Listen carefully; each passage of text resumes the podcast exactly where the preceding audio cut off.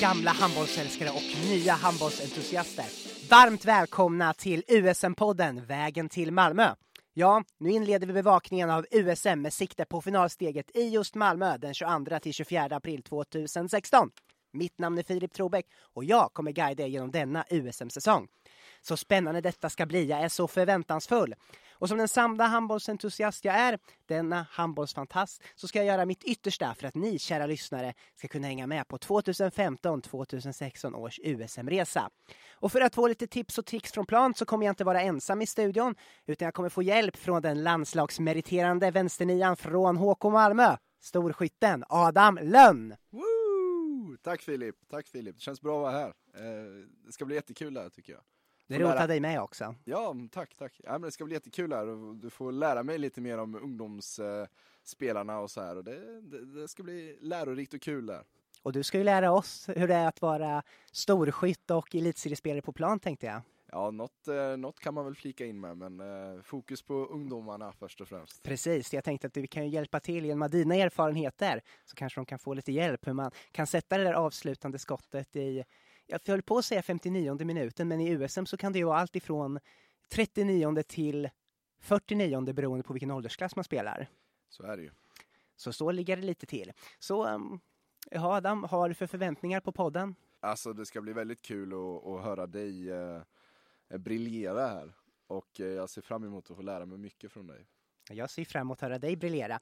Och med dessa ord så har vi haft en liten kortare ingress om inledning av USM-podden. Så detta är USM-podden Vägen till Malmö med mig, Filip Trobeck. Och jag, Adam Lönn. hade tre steg kvar och sen fanns det inte så mycket kvar att skjuta på så att eh, jag bara tänkte nu skjuter jag allt vi har över huvudet och brukar den gå in. Ja, hur kommer det sig att man gör en podd om just USM? Ja, det är ju så att USM är ju en tävling som alla i stort sett som spelar eller har spelat handboll har en relation till.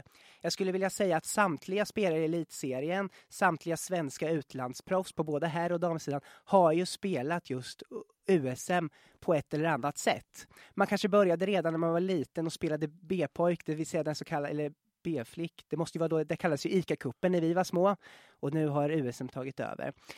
Och då finns det ju väldigt mycket att tala om det. För det finns ju alla har ju någonting att säga till om det.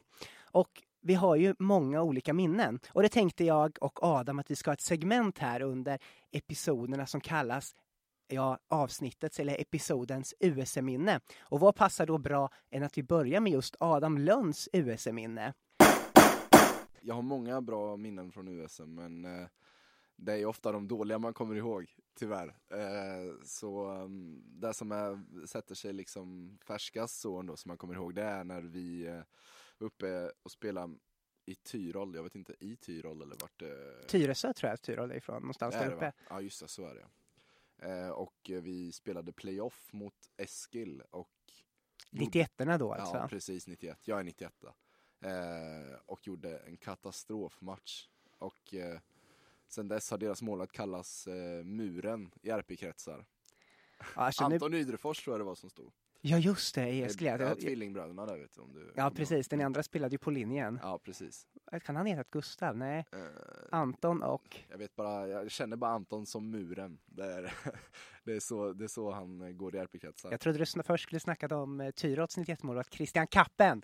Men det gjorde du ju inte. Det var ju just, de gick ju också till stick 5 antar jag, Tyrod. Ja. Men det var den andra matchen. Tillbaka till ditt US-minne nu Adam. Ja, det var, det var nog bara det. Vi förlorade och eh, vi missade då playoff-matchen där. Det måste varit, ju- ju- det kan ju inte vara junior, då är det inga playoff-matcher. Kanske det var A-pojk. A-pojke, ja. Ja, det måste det varit. Så det här blir alltså ungefär eh, 06, kanske 07? Ja, något sånt. Okej. Ja, det är ett tag sedan nu alltså. Ja, tiden går. Men och vissa blir lite seriespelare och andra. Vi får bara sitta och titta på handboll. Men har du inga positiva US-minnen?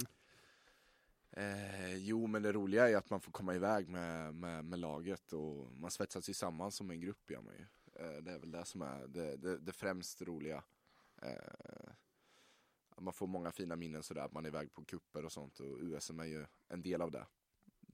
Får man säga. Ingen direkt sportslig, sportsligt minne därifrån utan mer Gemenskapen. precis gemenskapen och glädjen. Ja, men det minns jag också. Jag tyckte alltid det var så roligt att åka iväg till um, lite längre bort och åka och så bo tillsammans med grabbarna. Precis. Och det gick ofta bättre då än när man spelade på hemmaplan. Men det blir lite speciellt. Lite annan spänning kanske. Lite kuppkänsla. Men vi ska inte tala om mina minnen, vi ska ju tala om dina Adam. Ja, men eh, jag är nog klar där tror jag. Och han sätter den lön. Han hittar en lucka. Ja, det var alltså första gången vi fick höra segmentet. Jag ska vi kalla det veckans USM-minne. Ja, det låter bra. Och denna gång fick vi höra från Adam Lönn. Och framöver i podden så är ju tanken att vi ska ha lite spännande gäster som kan få berätta om sina USM-minnen. Men framförallt kanske hjälpa oss lite att eh, fundera över lagen. För det är så att nog har, är jag väldigt intresserad och Adam har lite halvkoll på lagen. Men det är alltid kul att kanske kunna få lite mer inblick från eh, annat håll. Absolut, så är det. Ja, bra Adam, det är bra med. Men det finns ju också så här, något som är intressant, det är ju våran relation till USM. Och jag är ju jätteintresserad av handboll och det är ju inte bara ungdomshandboll såklart. Det är ju klart att jag tittar också på elitserien och tyska ligan. Men det är något jag tycker är roligt och sen har det där följt med. Jag är ju född 90 och eh, har egentligen bara droppat på det 91, 92, 94, 95, 96, 97. Och något kanske kan vara just att jag har kunnat följa, för jag kommer ju från Norrköping, jag har kunnat följa Norrköpings HK som har varit väldigt framgångsrika med spännande lag som ofta varit i steg 4 och de hade ju i B-pojkar, vi är ofta i steg 5. Nu använder jag ordet vi, men det är ju så när man kommer från Norrköping, vi är ju vi. Och alla vet ju om att Adam hade ju sin moderklubb i RP Linköping. Ja. Lillebror som vi kallar er. Ja, så det, nu tar vi i va. Nej men eh, jo, det är lite kul sådär för eh, förra året så eh, när det var A-pojk måste det varit då va? Mm. Så ringde ju mm, gamla tränaren och då fick man åka åka ner och scouta i eh, Kristianstad och kolla på Kristianstad mot H43 och filma lite och sådär och skicka in och hjälpa till lite sådär. Och det, ju, tycker man ju är rätt kul ändå. Det blir lite, man vaggas in i det där, eller vävs in kanske man ska säga, i, i SM-bubblan igen på något sätt. Ja, just det. Det var alltså inför deras steg... Steg fyra var det. Ja, spännande. Så då ringde de upp eh, dig och jag antar också Jim Andersson kanske? Ja, och... Jim och Hampus också. Såklart ner från Malmö där. Ja, precis. Då fick ni dra ert strå till stacken. Precis. Tror du att det är vanligt att man, att man gör så i USM-boll, att man scoutar motståndet? Eh, jag, jag, vet inte om vi gjorde det faktiskt, men eh, nu är det väl stenåldern om man ska säga när jag spelar, spelar SM. Men eh, det är väl eh, trän vår tränare där, eh, vår juniortränare, han har rätt mycket roliga saker för sig. Så, så det är säkert så att det är flera klubbar som gör så också. Du tror att tekniken har möjliggjort att det är lättare att spela in och sådär? Så är det nog också. Sen är det i och för sig ska man orka titta, titta på en match också. Jag menar, jag hade ju gjort det som jag är så handbollsintresserad, men jag antar du kanske hade somnat under genomgången? Nej, det får... Det låter vi vara osagt. det låter vi vara osagt. Men då kommer det lite intressant, för jag tänker att då åkte du dit och filma. Hur funkar det i elitserievardagen? Filmar ni in med Malmö, tittar på motståndare? Hur scoutas det där? Så är det ju. Eh, men det är inför varje match och man, man kollar ju om vi har match på torsdag så har man ju träning på måndag, kanske videogenomgång och eh, så börjar man träna på anfall och försvar mot det laget man ska möta. Det är, nog, eller det är vardag för alla som spelar på en sån nivå, skulle jag våga säga. Nu spelar vi in den här podcasten på onsdagen den 23 september och imorgon så ska ju ni till Österporthallen i Ystad och möta Kim Andersson. Hur har ni, kanske inte ska avslöja här nu om det kommer ut innan, hur har ni scoutat Kim Andersson och så vidare? Nej, vi, eller jag vet inte, jag vet inte, jag, jag vet inte, ska vi prata om det? Det kanske är en klubbhemlighet, Ja. så det lämnar vi därhän och så får vi återkomma där kanske i nästa vecka så får vi se hur det har gått. Ja, vi gör så istället. Ett annat segment, ja segment är ju någonting som Adam och jag har funderat lite på, vad, hur vi ska fylla ut podden massor med intressanta saker. Och vi tänkte att vi ska fråga vår gäst några snabba frågor så vi kan få lite korta, raka svar. Och idag är det jag som har förberett svaren, såklart, för att vi ska föra här våran elitseriestjärna. Nu sa jag i lite här Adam, du är så ödmjuk annars, men jag får kalla dig stjärna. Ja, det, smicker tar man alltid åt sig. Dessutom är du skadad nu, så du kan behöva liksom lite, Ja, precis. Jag behöver en självförtroende-boost här, känner jag. ja, det är precis, så du kan orka Ja. med rehaben på gymmet. Ja. Och då tänkte jag köra lite fem snabba, och då vill jag korta svar Adam, jag vill inte ha några långa utläggningar. Ja, det blir mycket ja nu. Men eh, vi kör på det här och sen så, det blir kul. Tänkte jag börja lite enkelt, bästa laget i världen? Som det ser ut nu får jag säga Flensburg. Ja, det har jag alltid gillat Flensburg, det är mycket svenskar där också. Okej, vilken är din favoritarena som du har spelat i? Jag skulle säga Baltiska hallen. Ja, hemmahallen, det var Hemmahallen. diplomatiskt sagt. Ja. Eh, tänkte, vad äter du innan match? Kyckling och ris oftast. Ja, det är mycket protein där, det Ja. kanske kan vara ett tips. Ja. Det är, vikt, är det viktigt att äta innan match? Oh ja, oh ja. Alla rutiner är alltid viktiga. Mat och sovrutiner och allt vad man har. Nu blev ju det här plötsligt eh, fem långa frågor, men det är någonting vi ska ta upp senare tycker jag. Matchrutiner. Ja, Bästa tipset du fått av en tränare då? eh, skjut mer. Ja, det är ju lätt för det att säga som ett bra skott. Ja. Eh, vilka vinner USM-guldet då, då på herrjuniorsidan? Det gör eh, Sävehof.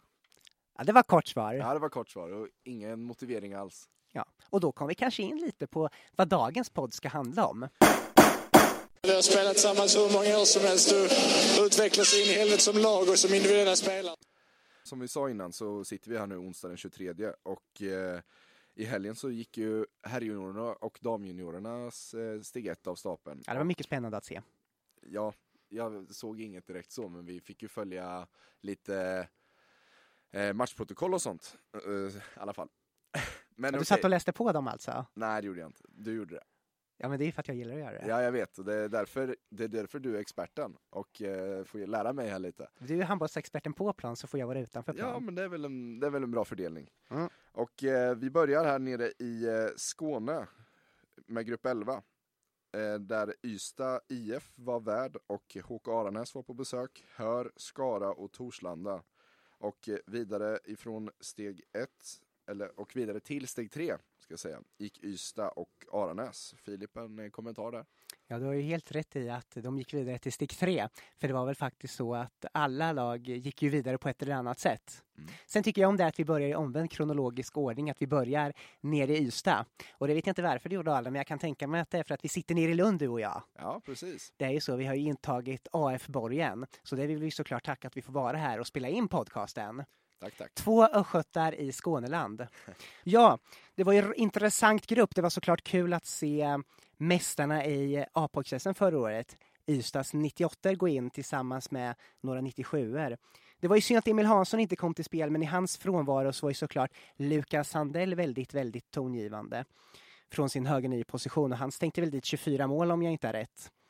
Det var ju även eh, Freddy Andersson i eh, Ystad var ju också bra på sin högerkant. Han gjorde 22 mål och vad jag minns så gjorde han minst fem mål i varje match. Så det måste man ju säga, det måste man vara lite imponerad över att hålla sån jämnhet. Sen är det klart, han spelade väl antagligen hela matchen. Att Aranäs skulle ta andra platsen, det det var väl ingen högoddsare utan de har ju ett väldigt bra lag. Eh, Max Santos, som jag vet spelar linjen i A-laget lite ibland, gjorde 28 mål och med det var han bästa målskytt faktiskt under helgen. Men de hade ju, det var ju flera som var bra där i Aranäs. Intressant tyckte jag var att vad jag såg så kom inte Lukas Larsson med som var med på Riks 4 där, vänsternia, kom inte in och spelade någonting. Det kanske kommer framöver, de kanske sparade lite. Och så var det väl lite med Ystad också. Okej. Det är ingen övergång där då på han eh, vänsternian eller? Det är, det är ingenting du har sett i alla fall? Nej, alltså han stod med i laguppställningen men han eh, hade spelade inte. Så jag Okej. tänker han satt med på bänken. Det var lite som när du, fast du får ju alltid stå på ledarbänken men eh, när du inte spelar. Ja, precis. Sen var det också lite roligt tyckte jag om man ska liksom kolla bredden. Det finns ju många namn som förpliktar. Vi hade en kille som heter Gustav Bergendahl i Aranäs och det måste ju vara Oskar Bergendahls lillebror. Mm. Kan man ju gissa sig till. Men eh, Aranäs är också ett bra lag och att de gick till steg tre, det var väl ingen som sagt högoddsare. I övrigt i den gruppen, ja, de delade på poängen, Skara, Torslanda och Hör. Och de, jag vet, det blir spännande att se om de lyckas i eh, steg två.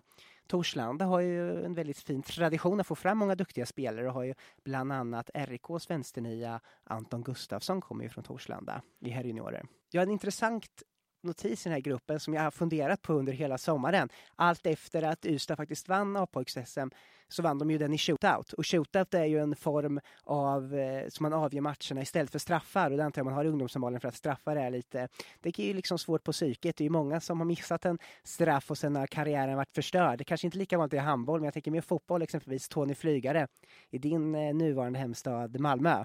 Och så var det Zlatan som var stjärnan när Tony Flygare missade en straff där och när Djur, eller Malmö åkte ur alls fotbollsallsvenskan. Men nu är det ju handboll där det handlar om. Och i den här shootouten så hade ju Oliver Fält, om han hade möjligheten att avgöra eller om han skulle skjuta näst sista straffen, så skulle han i alla fall slänga tillbaka bollen till Måns Landgren i mål och sen skulle han få tillbaka den och göra mål.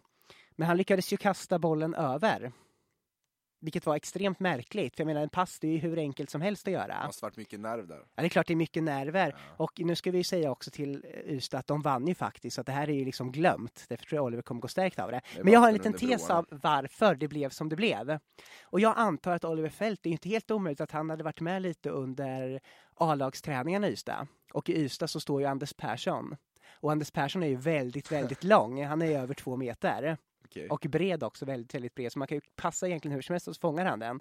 Måns Landgren som är en fantastisk målvakt. Som har varit med på alla riksläger tror jag med 98 Han eh, är ju dock lite kortare, i alla fall var lite kortare förra sommaren. Och han är inte jättekort men kortare. Och han är väldigt duktig målvakt och han är en duktig lillebrorsa också. Som vi sen kommer få se i A-pojk. Men jag tror helt enkelt att han hade spelat för mycket med Anders Persson och då slängde jag upp bollen tänkte jag bara kastar iväg den och så gick den över huvudet på den. Det måste vi ju fråga Oliver Fält sen om. Vi måste ju få en kommentar om det där, eller vad säger du? Ja, varför, varför har jag inte gjort det innan? Men det, det ska jag ta här så vi får Ja. höra i framöver Ja, men podden. får- Hur var det med det där? Det, det är ju lugnt nu, det känns som en, eh, en, rolig, en rolig grej bara egentligen. Ja. Rolig parentes. Ja, Men eh, vidare till grupp 10. ja, precis. För vi kan väl Vi avsluta inte- med att Ystad lär väl vara farliga och lär väl vara med. Framförallt om Emil Hansson är med. Och de verkar vilja spela USM. Mm. Lukas Nilsson var med förra året. Och det är ju så att jag tror han kommer vara med och spela framöver. Mm. Mm, kan vi gå vidare Adam? Ja, eh, då går vi vidare till Göteborg. Kärra är värd. Mm. Ja, på besök, Västerås-Irsta, två klubbar som har slagits ihop. Eh, IFK Skövde, IK Bolton och OUs handboll. Och eh, där har vi Bolton som lite överraskande går vidare. Eh, och IFK Skövde. Och Bolton där eh, också som gruppetta. Trots att de har många speltapp. Vad säger du om det? Ja, just det. Eller spelartapp. Ja, jag tyckte det var roligt att Bolton lyckades få ihop det. För det är kul att det är fler lag än bara Skåne och Göteborgslag som kan vara starka och kan utmana i steg fyra om finalplatserna. Ehm, Bolton tappade ju som du sa flera spelare vad man kunde följa på svenskhandboll.se på, i övergångsfönstret där till just Hammarby. De har tappat bland annat eh, Axel Svansson på högerkanten och Ludvig Arnehall som spelade högernia. Och det är klart att oavsett om de kanske inte var de bästa spelarna i Bolton så var det ju att eh, man behöver ju bredden också för att kunna nå steg fyra. Men eh, de fick in lite spelare från, eh, jag vad kallar det, Huddinge tror jag. Gamla Silving Troja-spelare. Det var ju så att Silving Troja kom ju två efter Kärre i B-pojks-SM när 97 spelade B-pojk. Men sen gick tyvärr, tyvärr jag menar för, i föreningsmässigt då, till eh, Huddinge. För jag tycker det är lite kul när man stannar. Men de gick till Huddinge och nu var det några här som har lämnat till eh, Bolton. Och de gjorde väldigt starkt som vann och de vann före Skövde och det var ju väldigt överraskande med tanke på att Skövde hade ett väldigt starkt lag på plats. De har en ny bra målvakt i Paul Ahlmark som har kommit från Lindesberg. Jesper Järlfors som har spelat i elitserien eh, spelade ju från start och eh, han var ju inte med förra gången förresten när de spelade A-pojk med 97 för då spelade han ihop i Skövde i division 2. Okej. Så han kunde inte spela för Skövde. Men nu ville han väl vara med här i sista året i ISM. Och eh, de har ju många duktiga spelare, även eh, Anton Ullman på 9 meter. Men Skövde saknade Andreas Jonsson så att jag tror de har mer att ta framöver. Men steg tre ändå, så det är väl det som räknas. Sen Ja. är det klart man vill komma gruppetta, men eh, de är vidare i alla fall. Ja, det där har ju blivit allt viktigare därför att, att bli gruppetta. Precis, för att jag tänker att jag tror ju ingen vill ha Skövde som grupp tvåa. För säg att eh, får man RIK och så får du Skövde, då är det inte kul om du är gruppetta exempelvis. Eh, ja, vi får väl se lite, men, men Huddinge som vann sin grupp väldigt överraskande också. Det, det, det blir spännande att se hur lottningen blir, för den kan ju vara ganska avgörande. Kul också att Kärra spelade hyfsat bra, för Kärra som sagt, eftersom de vann just eh, B-pojks-SM, så men de har ju fått ett jättetapp till RIK, Sävehof och ut i Sverige. Det blir lätt så. Mm. Och då måste, ja, och jag måste ju minnas det. Jag var ju faktiskt och tittade på det eftersom det finalsteget spelades i eh, Norrköping med B-pojkarna. Och då var det en kille som spelade vänsternia som heter Daniel Strandberg som var väldigt stor och sköt bra. Och han är kvar. Och han gjorde 22 mål under helgen. Så att han håller upp det fortfarande. De blir ju trea och de skulle vara kul om de går vidare till steg tre, definitivt. Mm. Sen tyckte det var kul att du separerade det, Västerås och Irsta, så att vi inte hade en sexlagsgrupp utan vi gjorde klart att de eh, har ju slagits ihop. Det var ett par år sedan nu, men det är nog bra där för Västerås handbollen kanske. Jag Jag vet, man håller, håller man isär det, det gör man inte i ungdoms Nej, de, de spelar tillsammans alltid, men jag tycker det är tråkigt för jag menar Jo. konkurrensen är ju ganska bra. Jo, att man har ett gemensamt A-lag kanske är en annan sak, men eh, Eh, för att man ska kunna spetsa upp det och kanske ta steget upp till elitserien nu i år. Det får man väl se. Västerås får ett bra lag i Allsvenskan också. Ja, Martin Bokvist har ju försökt länge men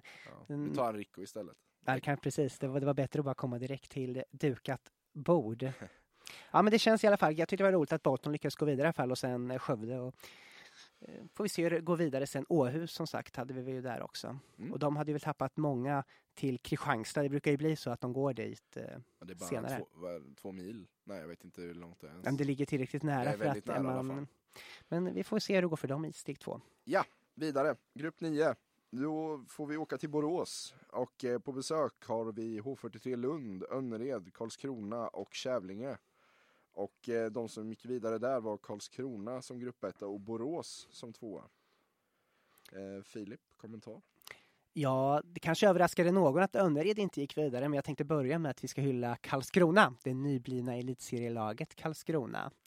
Det skulle ju vara kul om de får en bra ungdomsverksamhet, för det har de haft länge. Just det här laget har varit väldigt, väldigt framgångsrikt. Det kan vara bra sen eh, att fylla på sen uppe i, i A-laget och känna de spelarna som är kvar där kanske känner att det är en eh, liksom sporre att man har ett lag i elitserien som man kan kämpa emot. Mm. Och Ja. man har ju verkligen möjlighet att bygga ett starkt eh, handbollsfäste där nu.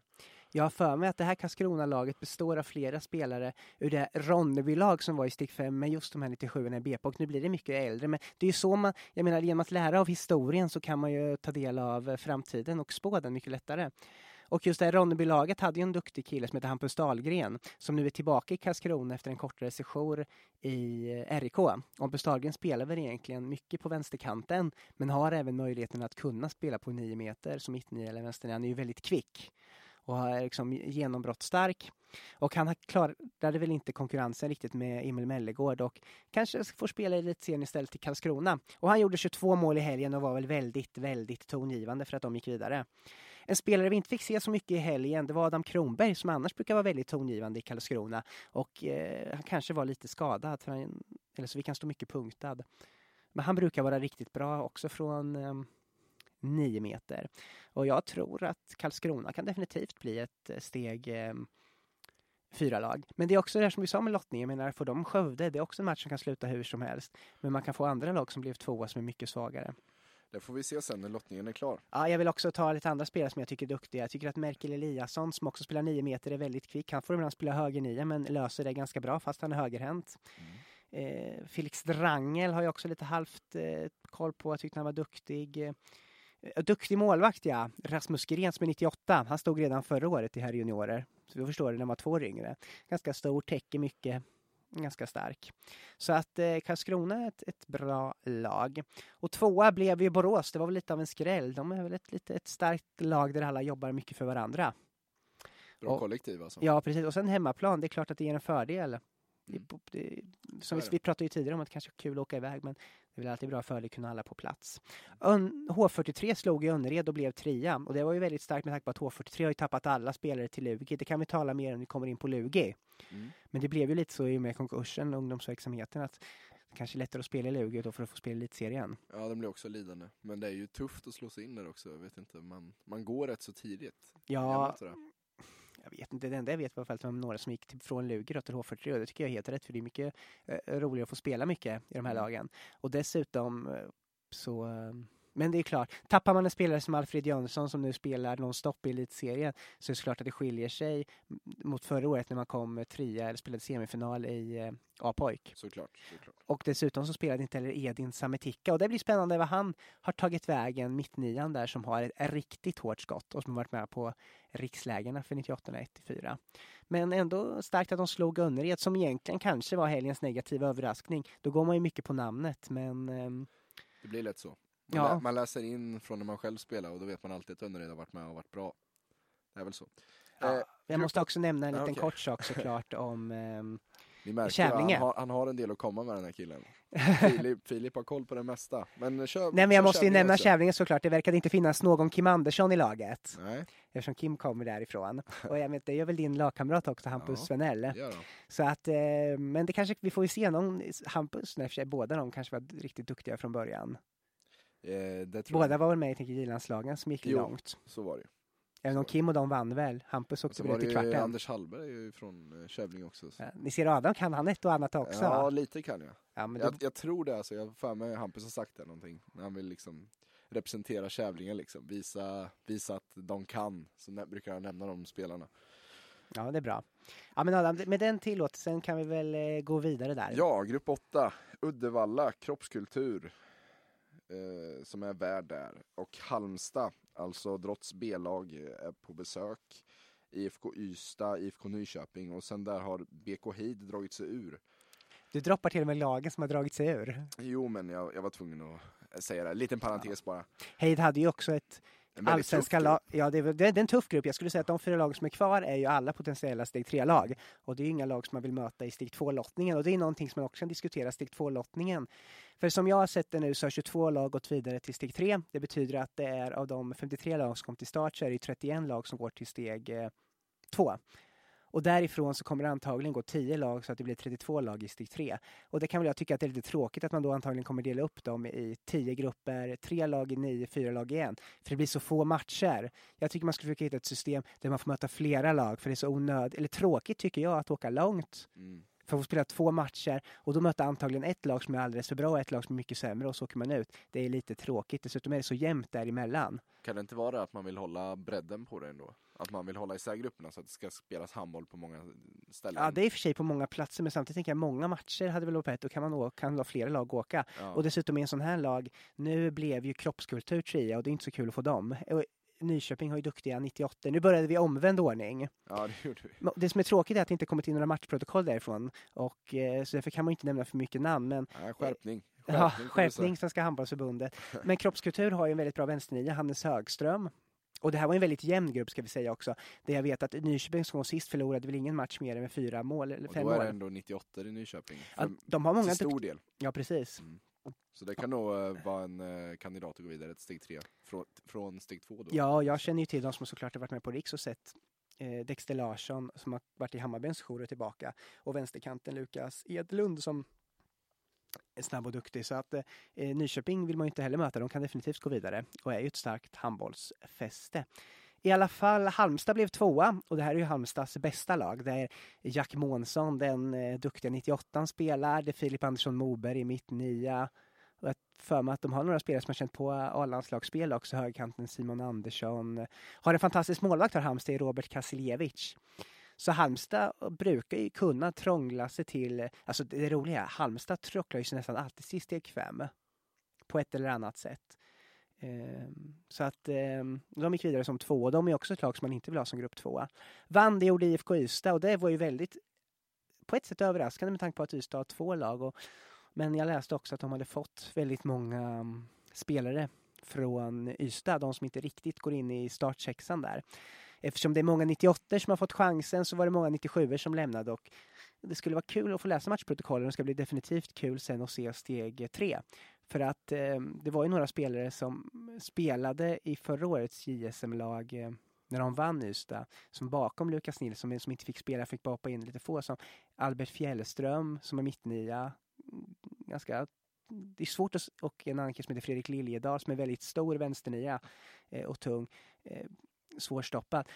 Jag menar, hur duktiga är de för själva? För jag menar, det, är inte så, det kan man ju säga att när man har Lukas Nilsson till vänster i, Emil Hansson mittnia, det är klart att det är liksom bara att följa med där eller passa tillbaka. Nu fick de till eget ansvar och då var det roligt att de gick dit. De har även en kille, annan, 98, som har varit väldigt framstående i Ystads IF som heter Rasmus Dahlberg som spelar i IFK Ystad nu. Så att det skulle vara kul att veta vilka det var som var framträdande där. Vi får se den när, eh, när protokollen kommer in, för de kommer säkert göra det. Tappa lite speed i, i anfallsspelet och det går ju så snabbt i dagens handboll. Och Ja, då är vi tillbaka på grupp 7 och då ska vi ut till Partille. Där eh, Sävehof, eh, de eh, storfavoriterna på förhand som har Örebro, Ankaret, Spånga och Lågan på besök. Och inte helt oväntat gick Sävehof vidare som gruppetta och med till steg 3 följde HK Ankaret. Eh, Filip, vad tycker du om det? Eller vad har du för tankar? Jag tyckte först och främst att det var roligt att HK Ankaret gick vidare. Eftersom HK Ankaret endast spelade med sju spelare under lördagen, det vill säga målvakt och sex utespelare som fick spela nonstop. Sen fick de in en till kille tills på eh, söndagen som var en avbytare då skulle tyras om. Det tycker jag är jättestarkt att de lyckas gå vidare ändå. Det vittnar ju om också att man har kvalitet i laget, att kunna kanske dra ner på tempot. Så därför kanske vi ska ge en eloge här till målvakten Marcus Strand och även till Daniel Rydell, Fabian Emmertz, Hannes Bogefors, William Evans som spelade, kom in under söndagen. Eh, Filip Hedin, Isak Berntsson och kanske framförallt till Agaton Lindgren som eh, bombade sönder de flesta lagen. Han gjorde 28 mål i helgen. En liten shoutout där till HK Ankaret blev det. Och Ja, sen precis. även målvakten Strand där fick göra mål i en match. Ja just det, ja, du har suttit där och snikat in det alltså. Lite koll har jag i alla fall. Ja. ja, men det var väl i sista matchen, eller var, tror jag, mot Örebro Ja, det var det. när de eh, lyckades eh, gå Örebro som vidare. kom trea också. Det var, det var avgörande. Och det verkar inte vara ett straffmål heller, utan det verkar ha varit ett eh, spelmål. Mm. Det stod ingenting i alla fall. Nej, men, det, men det vittnar ju om att det verkar också som att målskyttet var ganska spritt också. Mm. Eh, även om Agaton Lindgren gjorde just 14 mål i en match. Ja. Och det är ju ganska anmärkningsvärt. Eh, så, um, Sen kanske att han var punktad mot uh, Sävehof också. ja, jag misstänker det eftersom man inte gjorde mål där. Jag tänker, gör man 28 mål på tre matcher och så gör man inget mot Sävehof, då kan man ju anta att de plockade bort honom. De visste väl att han var riktigt bra. Men det ska, kul med Ankaret, ska vi se om de kan få några fler spelare. Mm. Så jag tycker det är kul att de inte har gått till Lugi allihopa. Ja. Ja, i övrigt som sagt, eh, Örebro trea. Får väl kanske hoppas på att kunna gå vidare till eh, steg 3 då genom steg 2. Tappade Erik Pettersson som var deras stora målvakt till Alingsås här för två, två och en, halv, en och en halv säsong sedan. Så att, men. Nu är han eh, på bänken bakom Frisk när Aggefors är skadad också. Mm, Precis, nu kommer du in med din elitseriekompetens här Ja, också. men lite. lite. Ja, det är bra Adam. Okej, men Sävehof kanske vi kan nämna längre fram. Eh, men som sagt, eh, Många bra spelare såklart. ja, och jag menar, går man igenom steg... Inför steg fem sen kommer vi säkert prata en del om Sävehof också. Så. ja, nu ska man inte ta ut någonting i förskott eftersom Det gör bollen är jag. rund och allt kan hända. Jag tar Och- ut dig Ja, först. det var ju tippat dem. Men jag tänker att ehm, Sävehof, ehm, steg ett går man igenom det med plus 104, då har man ju sprungit sönder motståndarna. Man kan ju lika med hamna på plus 50, träna lite kombinationer. Men då kör det ju kontringar, då måste de ha ju sprungit sönder motståndarna. Och det kan man också se på matchprotokollet att det kantspelarna har gjort väldigt många mål. Mm. Eh, vi tar att Agaton Lindgren gjorde 14 mål mot Örebro. Eh, mot, eh, när Sävehof mötte Örebro så gjorde ju Jonathan Hummelgård 12 mål. Och han Jonathan, han spelade ju, var ju riktigt duktig i Kärras B-pojkslag. Och det är kul att han, som är lite, har varit lite kortare sådär, men kanske fått in fysiken. Och han har ju tuff konkurrens som vi säger av Peter Runeberger och Love Dahlqvist som är från Norrköping på kanten. I övrigt så spelade ju varken Bogojevic, William eller Jonathan Edvardsson som spelar med A-laget istället. Så de kommer ju komma in och toppa laget kanske till steg tre eller framförallt steg fyra, steg fem är jag helt övertygad om. Men vi talar mer om dem då tycker jag. Ja, då går vi vidare till Uppsala.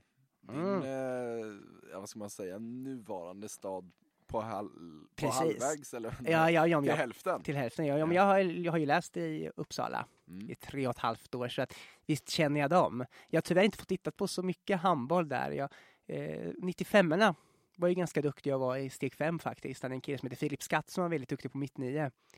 I, I övrigt så deras eh, 97-lag här, det, det är mer lagen som ligger utanför Vassunda och Skånela som har varit bra. Men eh, de hade i alla fall eh, de vita eleganterna på besök. Mästa mästarna som de Vita heter. elefanterna. Ja, vita elefanterna ja. RIK och sen eh, min moderklubb RPIF och eh, Växjö HF och eh, RIK gick eh, segrande ur alla matcher. Eller hur var det? Ja, så, var det, va? såklart det var. Så var det ja. Och eh, sen var det väl, eh, det var en stenhård kamp här mellan RP och Växjö och eh, det är alltid glädjande för en östgöte att se att eh, RP går vidare och då på straff i sista sekunden också mot eh, Växjö. Och eh, det var Flink som gjorde mål, Kristoffer Flink ja. precis. Den Straff i vänster sista kant- sekunden. Den vänsterhänte högerkanten. Precis. Och är med lite i RPs A-lag nu också va? Ja, det har han varit redan förra säsongen tror jag. Ja. Och kanske innan säsongen innan dess. Ja, då har du rätt i Adam. RP gick vidare och det var, jag menar, Växjö är också ett väldigt bra lag. Absolut. Om vi sa att Uppsala, det vi förstod att de fick det svårt i den här gruppen. För Växjö, de var i steg fem som B-pojkar. Förra tror jag de var också i steg fyra säkert med A-pojkarna, inte sjuorna. Har en duktig linjespelare som heter Emil Lundin som har varit i Alingsås men vänt tillbaka. Det var ju tuff konkurrens där. Duktig högersida, bra vänsterhänta spelare, Filip Skagne och Albin Sterner. Ja, så att Växjö kommer väl antagligen gå vidare från steg två också. kul RP som du sa gick vidare. Eh, RP som har fått en duktig spelare från Norrköping som var tongivande i det laget som kom trea i b sm Det var ju Arvid Rodin som då spelade högernia eller linje och han har också varit i RIK under en sommar. Jag vet han gjorde en övergång där inför gymnasiet men flyttade hem sen. Och nu vill han väl öka på sina USM-chanser och spela i Linköping kanske som, och kanske spela i A-laget också lite. Mm. Åtminstone i B-laget, göra en satsning. Det finns många duktiga spel i Linköping som vi kan gå igenom som du kommer ifrån där men då kommer podden hålla på i en evighet. Ja, det finns, det finns för många bra spelare. Nej, ja, det, men, nej, men det, det, så vi kan väl nämna man något... har ju rätt mycket därifrån. Precis, så vi kan väl säga något kort om RIK också. RIK är ett väldigt intressant lag med tanke på att jag tror alla 97 där har ju varit med på något riksläger. De har fått in några duktiga 99 nu också, eller 98 såklart. Det var väl någon 99 med i eh, laget i helgen så att ehm, och RIK kommer vara ett av de lagen som utmanar Sävehof, tror jag, om segern. Anton Gustafsson, som vi talade om tidigare från Torslanda, var inte med och spelade. Men eh, det vägde ju Viktor Alastrand och eh, Viktor Bengtsson eh, upp på nio meter så att det var väl inga problem. Adam Jönsson som spelar höger nio ursprungligen från Kungälv var väldigt duktig som, som alltid. Men det blir spännande sen att se hur de, men de gjorde vad som krävdes. Ja, men då avslutar vi grupp 6 och går på grupp 5 och då ska vi till Eskilstuna Nej, var dålig imitation där. Ja, lite halvlikt var det. Tycker du det? Ja, det var lite ja. gnälligt var det. Jag har spelat med en kille från Eskilstuna, så han körde alltid det där, vet du. Simon Aulén, han spelar i Norge nu. Ja, just det. Ja. Det kan jag på tala om mina notiser av honom. Mm. Alltså, vi mötte dem i en match med deras 89 vi var ju 90 mm. Och då spelade han någon form av, eh, han var väl högerkant, ibland tvåa i försvar. Ja. Och jag vet inte om jag kom runt. Han var tvåa i försvar? Ja, men jag vet inte om han var ett eller två. Han var ganska, men då kom han runt och det här var kanske när vi var A-pojkar. Mm. Jag vet inte om jag kom runt från kanten eller om jag hamnade på vänsterny på, något, på något konstigt sätt och skulle jag satsa där. Och då slår han mig stenhårt varje satsning över bröstet. Jag har aldrig haft så ont i mitt eh, alltså högra bröstet där. Ja, han är en liten busare. Ja, jäkligt ont. Och domaren, ni vet, på den där minihallen där, liksom brydde sig inte fast det. Det var ju liksom solklar utvisning varje gång. Ja. Och så fortsatte det. dagen efter skulle vi spela en match i en annan, för det där var ju liksom den första divisionen, i den andra divisionen. Mm. Då gjorde jag exakt samma sak mot Köping. Mm. Vad tror jag fick direkt? Alltså, två minuter, sen kom det anfallet efter och jag vet inte, jag kunde inte anpassa mig så jag gjorde likadant igen. Och, men sen förstod jag att jag, domaren liksom, det kunde inte göra sådär, för det skulle man inte kunna göra. Så jag fick ju rött kort i alla fall i andra halvlek efter att jag hade gått över gränsen en tredje gång. Och det var inte meningen och det skiljer jag på Simon Aulén för. Okej. Okay. Ja, det var en liten parentes. Eh, på besök Kungälv, Huddinge, Kristianstad och Strömstad. Och eh, det får väl säga, jag, jag hade ju tippat innan här att eh, Guif och Kristianstad skulle gå vidare, men Huddinge går ut som eh, gruppetta. Vad har vi att säga om det? Ja men du går ju bara på handbollsfesterna. Jo men det är väl så, man på kollar namnen. på namnen mer. Jo men visst var det troligt att Kristianstad och Guif kunde tagit platserna. Och framförallt eftersom Huddinge hade tappat några spelare i sista sekunden till, eh, till just Bolton. Men eh, Huddinge är ju ett bra lag, det är som vi brukar säga, det är inget snack om saken. De har en väldigt gediget, eh, många duktiga spelare. Filip Lindberg som är högernia. Eh, Simon Nyberg har spelat spelar vänsternia som har varit i eh, drott ett tag och försökte men kom tillbaka. Eh, har en väldigt stor och bra mittsexa i Lukas Hervig, duktig målvakt nu höll jag på att gå in något annat lag, men um, som just det, målvakten är Alec Bergström är stabil. Ja. Men Huddinge är bra och de lyckades få dit och sen handlar det om att de ska gå vidare från steg tre också för att, att Kristianstad nog kommer lyckas med det, det tror jag för de eh, ehm, men sen är det svårt. Eh, Kristianstad har en duktig målvakt som är 98 som heter Ludvig eh, Helgesson. Som säkert klarade av att de gick vidare. Eh, andra målvakten heter Rasmus Klassen och kommer egentligen från Norrköping. Det är lite tråkigt tycker jag att han har lämnat när han kunde stått och spikat igen det målet istället. Men det är klart man vill försöka göra sin chans att spela i Kristianstad. Kristianstad var ju väldigt bra förra året eftersom de hade väldigt många duktiga bra 96er. Herman Bosson. Då stod ju Fredrik Landin i mål. Och så vidare och så vidare. En spelare som spelade mycket i det här laget var Emil Schuster som är 97 här och som ska vara tongivande i år. Som mittnia, vänsternia och ett bra skott, är väldigt snabb. Men fick väl kanske inte riktigt ut det där och Huddinge vann. Guif som kom trea, det är också en sån här grej. Ingen vill ju ha Guif i steg två såklart. I Guif um, har vi en annan Norrköpingsbekanting som heter Martin Ek. Vad händer med Norrköpingskillarna? De bara, de bara sticker så fort de får chansen. Ja, ni är RP-killar precis som du. Du har ju stannat ju kvar. Det är lite intressant faktiskt. Jag Kanske tycker- ett slag under bältet här, sitta och klaga på... Nej, det ska vi inte göra, men det är väldigt intressant och jag kan ju definitivt hålla med dig om att när vi har, eh, jag kan ju förstå att Felix Klar sticker som är så extremt bra. Han går till Alingsås där han får spela i elitserien. Jag kan också förstå att Viktor Bengtsson som är väldigt tongivande går till RIK, där får han spela. Men sen finns det ju väldigt många i 98 där som lämnade. Jag har räknat att sju stycken har lämnat en målvakt. Så det är liksom målvakten och startsexan som eh, gick vidare till olika klubbar. Vi hade Martin Ek som gick då till Guif inför den här säsongen. Och det är lite kul men samtidigt, det är ju väldigt tuff konkurrens där och nu går inte ens de till stick 3 direkt. Eh, Felix Tyberg, mittnia till RIK. Kristoffer Seiler, högernia till RIK. Också väldigt tuff konkurrens där. Jag menar, hade alla stannat hade det blivit riktigt bra. Kristoffer Babic gick till Lindesberg, mittnia. Love Dahlqvist som vi talade tidigare om. Nu verkar ju han ändå en av tre vänsterkanter i 97-laget fast han är 98. Jag såg inte att Emil Kjellberg spelade också, det är en duktig spelare så det är ju väldigt hård konkurrens. Ja. Så att ehm, det kan man väl tycka lite vad man vill om. Eh, jag tror att NOK hade varit väldigt bra ändå om de hade varit kvar. Men nu har de gått alltså. Och då, Men då vi kommer till NOK sen i grupp två. Du får Precis. Flika in lite om det då. Ja, men jag måste nämna något kort om Kungälv. Det var ju lite roligt. Kungen som sagt förlorade ju mot NOK i B-pojks eh, SM i, om tredje plats för de blev fyra. Och de har ju också tappat extremt många. Bland annat Filip Andersson Moberg som spelade i Halmstad där tidigare. Eh, Adam Jönsson som var högernian i RIK. Men har fått tillbaka inför den här säsongen Douglas Åhlström som gick till RIK. Och också hans bror som är 99, Joakim Åhlström som är kant. Så de hade ett hyfsat lag men ja, det är ju en mardrömsgrupp med de där tre lagen. Mm. Strömstad och Strömstad har fått väldigt många från Lysekil. Och Lysekil är Lysekils 98 och det är roligt för de hade ju väldigt många från en sån liten klubb på och de olika rikslägren. Jag vet att Felix Bratell var med på som mittsexa på första rikslägret. Han har gått till Strömstad. Har även en annan duktig kille som har gått från Lysekil. Han var nog inte med på riksläger, men Simon Lindblad. Och han gjorde ju en himskans massa mål här har jag för mig i... Eh, ja, 22 mål gjorde han där. Och sen måste jag säga till Alingsås gick Oskar Jansson, en vänsterhänt högernia från Lysekil. Men det var Strömstad. Och ja, har Strömstad tur i lottningen kanske de kan gå vidare. Det är ju svårt det där.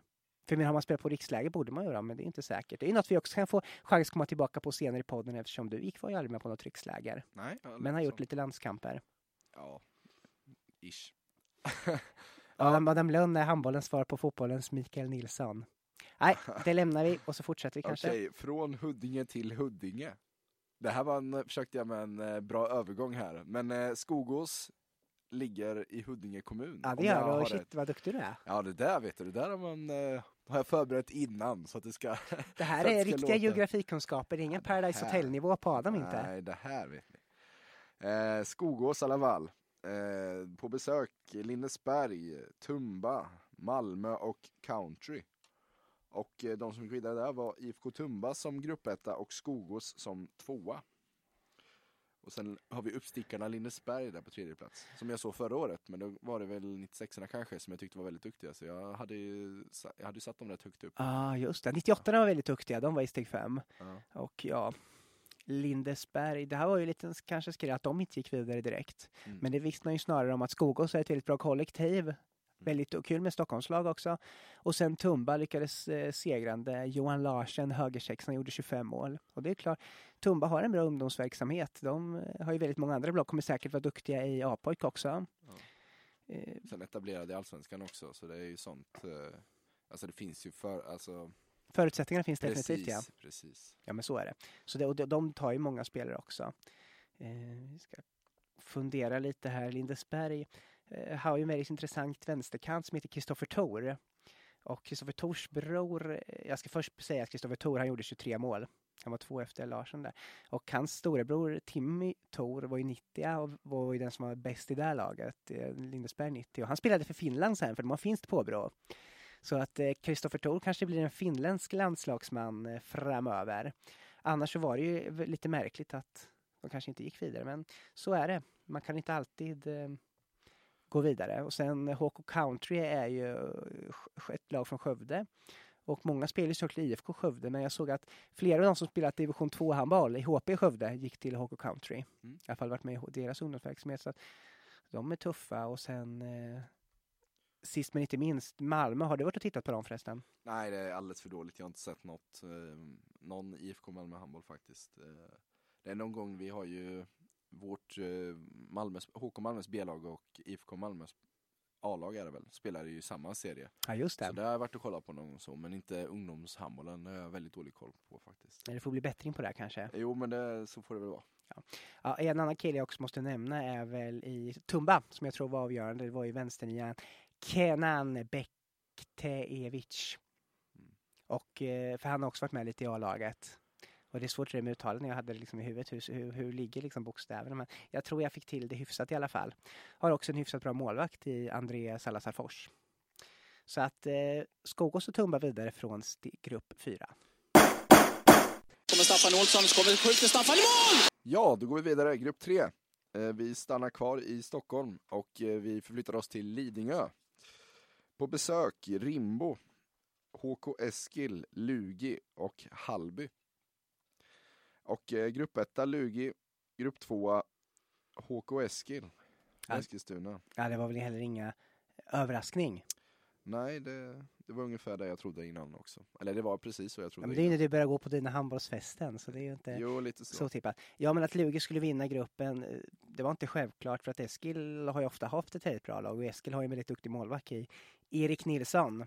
Men kanske har lite tunn trupp. Jag tycker, och annars får jag för mig också att eh, Alexander Lundgren är en helt okej spelare. Men de räckte inte till. Det var ett Lugi som ställde upp utan Alfred Jönsson. Eftersom han spelar så mycket i elitserien. Han förhoppningsvis kommer han vara med senare. Men eh, Hannes Enhagen som högernia. Alltid bra. Eh, har ju en helt okej målvaktspar i Alfred Åsvärd som är 98 som kom från H43 och eh, deras kallade egna 97-målvakten Lukas Hansson. Så de höll väl där uppe.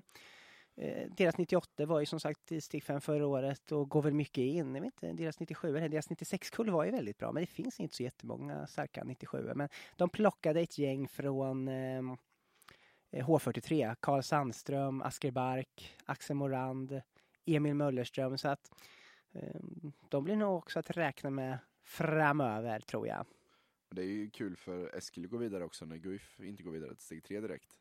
Får man gå med hö högt huvud sen i Ja. skolan där när man går förbi varandra. Men det, ja, precis, men det är också såna grejer att hade Guif varit i den gruppen så hade antagligen Guif gått vidare och Eskil kanske hade blivit trea i den andra gruppen. Så att det, det är lite svårt att säga sånt där. Och man ska ju inte säga att det är en nackdel att spela steg två, för man får ju spela ihop sig. Jag vet inte Mm. om vilket lag det var förra året, om det var två eller ett lag i, ja, på junior som hade gått vägen genom steg två. Om det var Lindesberg som gjorde en sån resa då också. Ja. Men det är Men så. det det- känns rätt ovanligt tycker jag. Nej, men det, ja, det, det, kanske inte är så. Det Nej, är, tuff, det, det är lite lottning, bäst när det gäller och sen kan det vara att någon är skadad, någon spelar Ja. med A-laget. Såklart. så att- såklart. Det är, mm, och sen är det små marg- marginaler. I Lidingös kom trea, de har en väldigt bra målvakt i Willy Wigström. Mm. Och eh, en annan intressant spelare, den utespelare som heter Mattias Björkman Myhr. Och jag tänker det måste ju vara Ystad-målvakten Andreas lillebror. Ja, kanske. Han inte, Jag, jag vet inte, är han värvad uh, Myr-killen? Är han värvad till Ystad alltså? Andreas, men det är ju han som står andra målvakten efter Ja, Andreas ja, Persson. men det vet jag. Ja, han, precis, han kom, han spelade i Hammarby när han var ungdom. Jaha, det visste inte jag. Så att eh, han åkte ner dit för att gå i gymnasiet. Man lär sig något nytt varje dag. Nej men vad bra. Ja, men Det... det, Lidingö vet jag bara att Helge Freiman är ifrån. Och eh, är det inte eh, någon av de här eh, Bergqvist?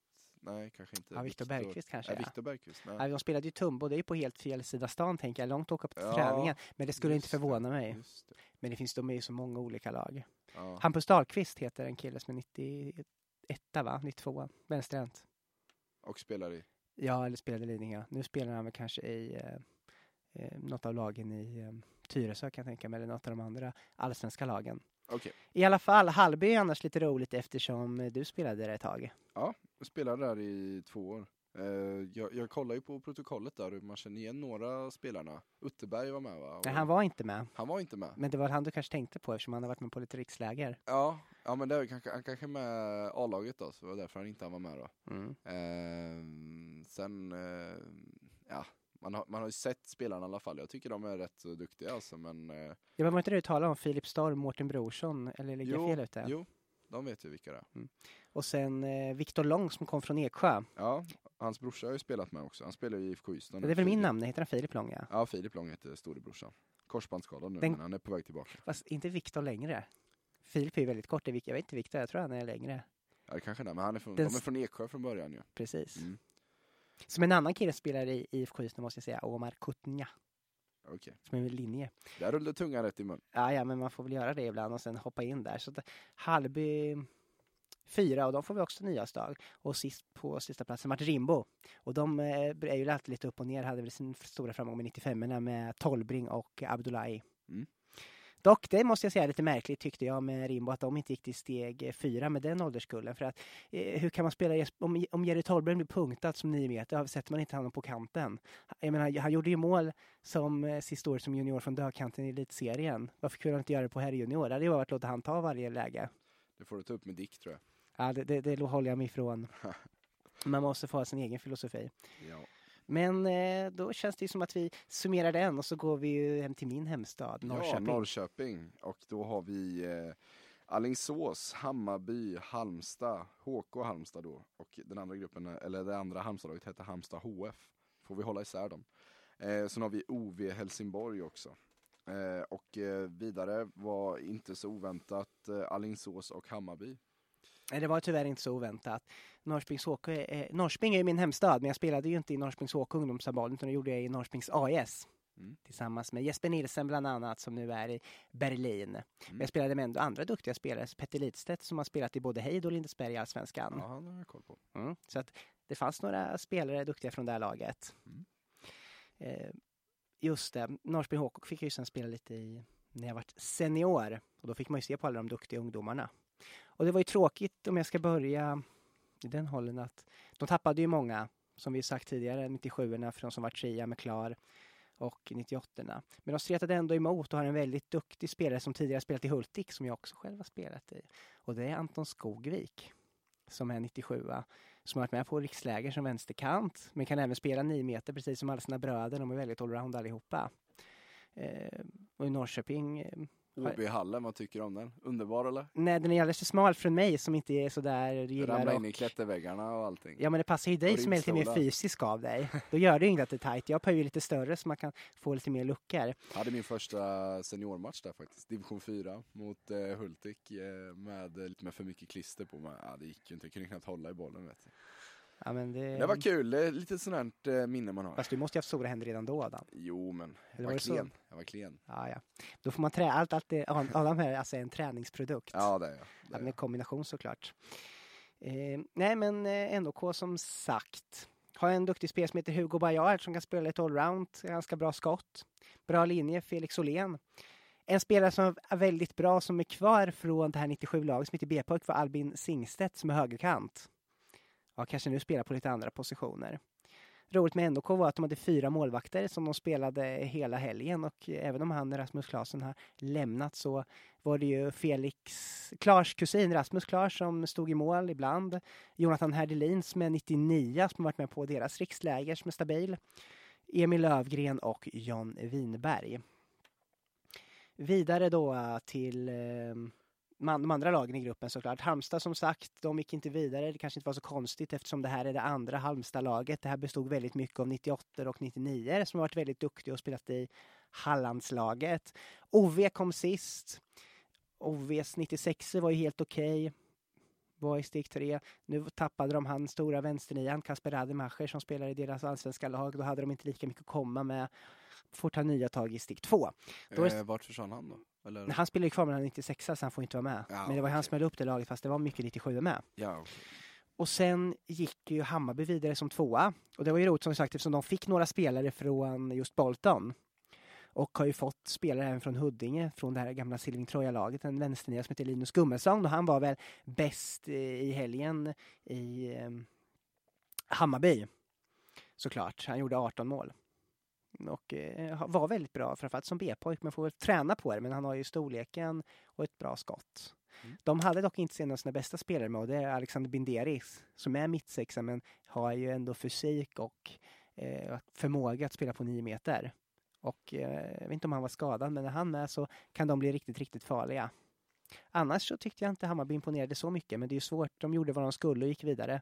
De förlorade med åtta mål, 17-25 mot eh, Alingsås som vann gruppen. Alingsås kanske de vi ska tala med. Man kan säga mycket om Felix Klar, men han var inte med.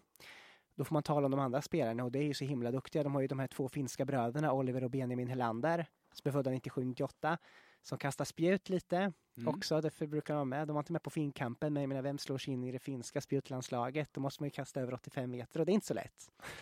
Eh, och de är ju, eh, fantastiskt eh, duktiga. Olle Ek gjorde flest mål. Han eh, gjorde 21 mål under helgen och det är ju en mittnia som kommer från Växjö liksom som de tappade och han eh, är ju femstjärnigt, eh, kvick och stabil. Eh, I mål så hade de Armin Bardar som kom från eh, Sävehof för den här säsongen som är 98 tillsammans med deras 97-målvakt som alltid har stått där, Oskar Öhman, som är duktig. Och han fick ju lite extra konkurrens av Erik Pettersson som vi talade om tidigare men som nu står med A-laget. Han kommer antagligen vara med sen kanske från steg 3, 4 eller 5. Så målvaktssidan ser väldigt, väldigt starkt ut. Eh, måste även Charlie Aronsson som får spela tyvärr mycket högernia fast han är högerhänt, mittnia, stabil. Eh, ja, Erik Andreasson på högerkanten. Ja, de är ett riktigt spännande lag så att eh, jag tror att Alingsås kan mycket väl utmana Sävehof Mm. och RIK framöver och Ystad. Just det också. Men det krävs ju att Klar och Erik Pettersson står i mål tror jag. Vi får se hur det blir där. Det blir spännande att följa. Eh, och så går vi vidare till grupp 1. Eh, vår sista grupp och nu är vi norrut i Boden. Och då har vi Märstalaget eh, Skånela på besök, eller Skånela. Jag vet inte vad man säger, vad som, vad som är rätt uttal. Skånela brukar jag säga Ja. men det funkar nog vilket som. Vi kör på, vi kör på båda. Det som blir rätt är rätt. Eh, Brännan från Härnösand, Sollentuna och Täby. Och eh, Boden går vidare. Eh, starka på hemmaplan uppenbarligen. Och eh, Skånela som grupp två. Precis, Boden var ju nära att gå till steg 5 med sina 97 när det var pojk. Mm. De spelades där också men då lyckades RIK givetvis slå dem. Men eh, Skövde, det var en väldigt jämn match. Så de blev ju trea där. Eh, så att det kunde de mycket väl ha gjort och nu inledde de här tufft. Jag tror att många sitter vid resan i, man åker väl upp där under fredagen. Eh, och sen tänker man Boden kanske inte är så duktiga men har ett väldigt bra kollektiv. Det är kul att det kommer lite lag norrut också. Om man ska säga så. Ja, ja definitivt och det är kul att har fått den här årskullen. Och, men sen de är väldigt framgångsrika på damsidan. Mm. Förutom, eh, jag menar Kiruna är ju duktiga men de spelar väl, just Boden spelar väl i ettan va? Ja. Eller allsvenskan motsvarande. Ja, så är det. Deras division Men de har väl rätt, alltså de har bra med publik och sånt också? Ja, de har nästan bäst publiksnitt på damsidan tror Ja, jag. Och, ja, eh, men, men det är ofta, det, det är likadant i fotbollen. Piteås damfotbollsklubb har ju jättemycket åskådare. Ja. Sen har de ju haft Umeå som är väldigt duktiga. Men Umeå är ju Västerbotten, det är ju långt ner. Jag menar de riktiga norrlänningarna, det är väl Pitesmo sen är det liksom eh, Boden, de som kan kalla sig riktiga norrlänningar. Och då hade de ju egentligen fyra Stockholmslag, eh, ja nu tre Stockholmslag om man kallar Skåne det. Brännan var ju annars det nordligaste laget. Brännan, ja, måste man ju säga några ord. De har ju möjlighet, tycker jag, definitivt att gå vidare från eh, steg två. Och det grundar mycket på att de har en duktig 98 som heter Albin Larsson som är väldigt allround på 9 meter, skjuter bra, bra blick för spelet och så vidare. Sen tror jag även att de har lyckats knyta till sig en högerkant, en vänsterhänt kille som heter Daniel Wendell från Umeå.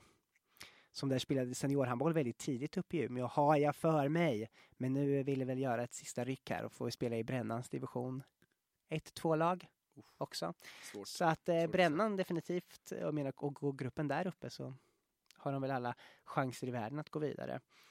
Täby och Sollentuna räckte inte riktigt till. Täby är ju svårbedömt. De har ju varit väldigt duktiga. Men lyckades inte riktigt få till det. Jag vet att de hade en högerkant som hette Milan Simonovic på riksläger. Men har väl tappat tyvärr kanske lite spelare som kunde inte hålla upp det. Skånela sist men inte minst. Ja, Märstalaget, där var det...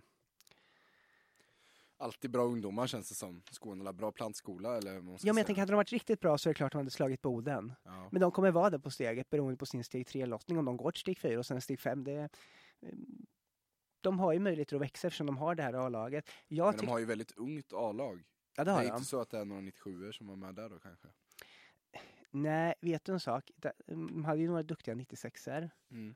95 med Rahali bland annat. 94 Jesper Filén. i de här 97orna så har de egentligen lyckats få det här Vassunda-laget, några killar därifrån som var i steg fyra. Malik Bojang som gjorde flest mål, jag tror han gjorde, gjorde han 18 eller 18 över helgen. Vänsternia. På högerkanten Adam Axelsson från Vassunda. Och de eh, bidrar med lite bredd. Eh, I övrigt så är det väl ett Liksom, eh, alla de där spelarna har ju spelat såklart det här Upplandslaget på, i Sverigecupen. Mm. Men det blir spännande att se. De är nog ganska beroende av sin lottning för att gå vidare. Ja, det här var en... Eh, ska vi bara dra igenom vilka lag som gick vidare en gång till eller? Ja, om inte det här framgått innan Adam så får du göra det. Då kanske jag inte ska säga några långa utläggningar Nej, till det. jag, Kör lite snabbt jag tar det här nu. 22 Okej. lag till steg 3 och dessa Ja. var Grupp 11, Ystad IF, HK Aranäs. Grupp 10, IK Bolton, IFK Skövde. Grupp 9, Karlskrona, Borås. Grupp 8, IFK Ystad, Halmstad HF. Grupp 7, IK Sävehof mot- och HK Ankaret. Grupp 6, Reberslid och RPIF. Grupp 5, Huddinge, Kristianstad. Grupp 4, Tumba, Skogås. Grupp 3, Lugi, Eskil. Grupp 2, Alingsås, Hammarby. Grupp 1, Boden och Skånela. Och då har vi gjort en rejäl sammanfattning, eller vad ska man säga Filip? Ja, det har vi gjort och det kommer ju givetvis komma tillbaka ännu mer ingående. För Går det, går det bli mer ingående? Ja, men nu tänker jag, jag har bara skrapat på ytan. För Oj. att eh, ja, man måste ju spara roliga anekdoter och vissa spelare till steg 3. Bra tänkt. Så man tänker man får ju ta dem lite som Bränn inte allt här. krut på en gång, eller vad ska man säga? Nej, det, det, blir, det blir väldigt svårt då. Mm. Så att eh, det, det känner jag, det har vi eh, gjort av bra. Och eh, vi kommer väl komma tillbaka här snart med nästa avsnitt. Ja, Mm. men då får vi väl tacka för oss och tack för att ni lyssnar. Det ska bli kul här att se vilket bemötande vi får. Eh, Vi har ju en mail också. eh, Det var bra att du kom in på den på slutet, ja. Ja, som, som vi gärna tar emot eh, tips eller eh, kritik, positiv och negativ, hur vi ska göra det bättre nästa gång och sådär. Eh, Mm. du kan väl dra mejlen? usmpodden at gmail.com. Gmail. Gmail, precis. Och det var nog alles, eller? Ja, det var det faktiskt. Och nu ska vi se fram emot ett spännande eh, Skånederby här under morgondagen. Ja, Malmö-Ystad ja. Ja, Ystad-Malmö. Med dig Ja, på bänken det. tyvärr Adam. Ja, tyvärr ja. Någon månad till. Mm, sen är vi tillbaka. Mig får ni aldrig se på plan. Men på läktaren givetvis. Ja. Och nu ser vi fram emot steg två. ja. Det gör vi. Tack så jättemycket. Det här, det var USM-podden Vägen till Malmö, episod 1. Med mig, Filip Trobeck. Och ja, Adam Lönn.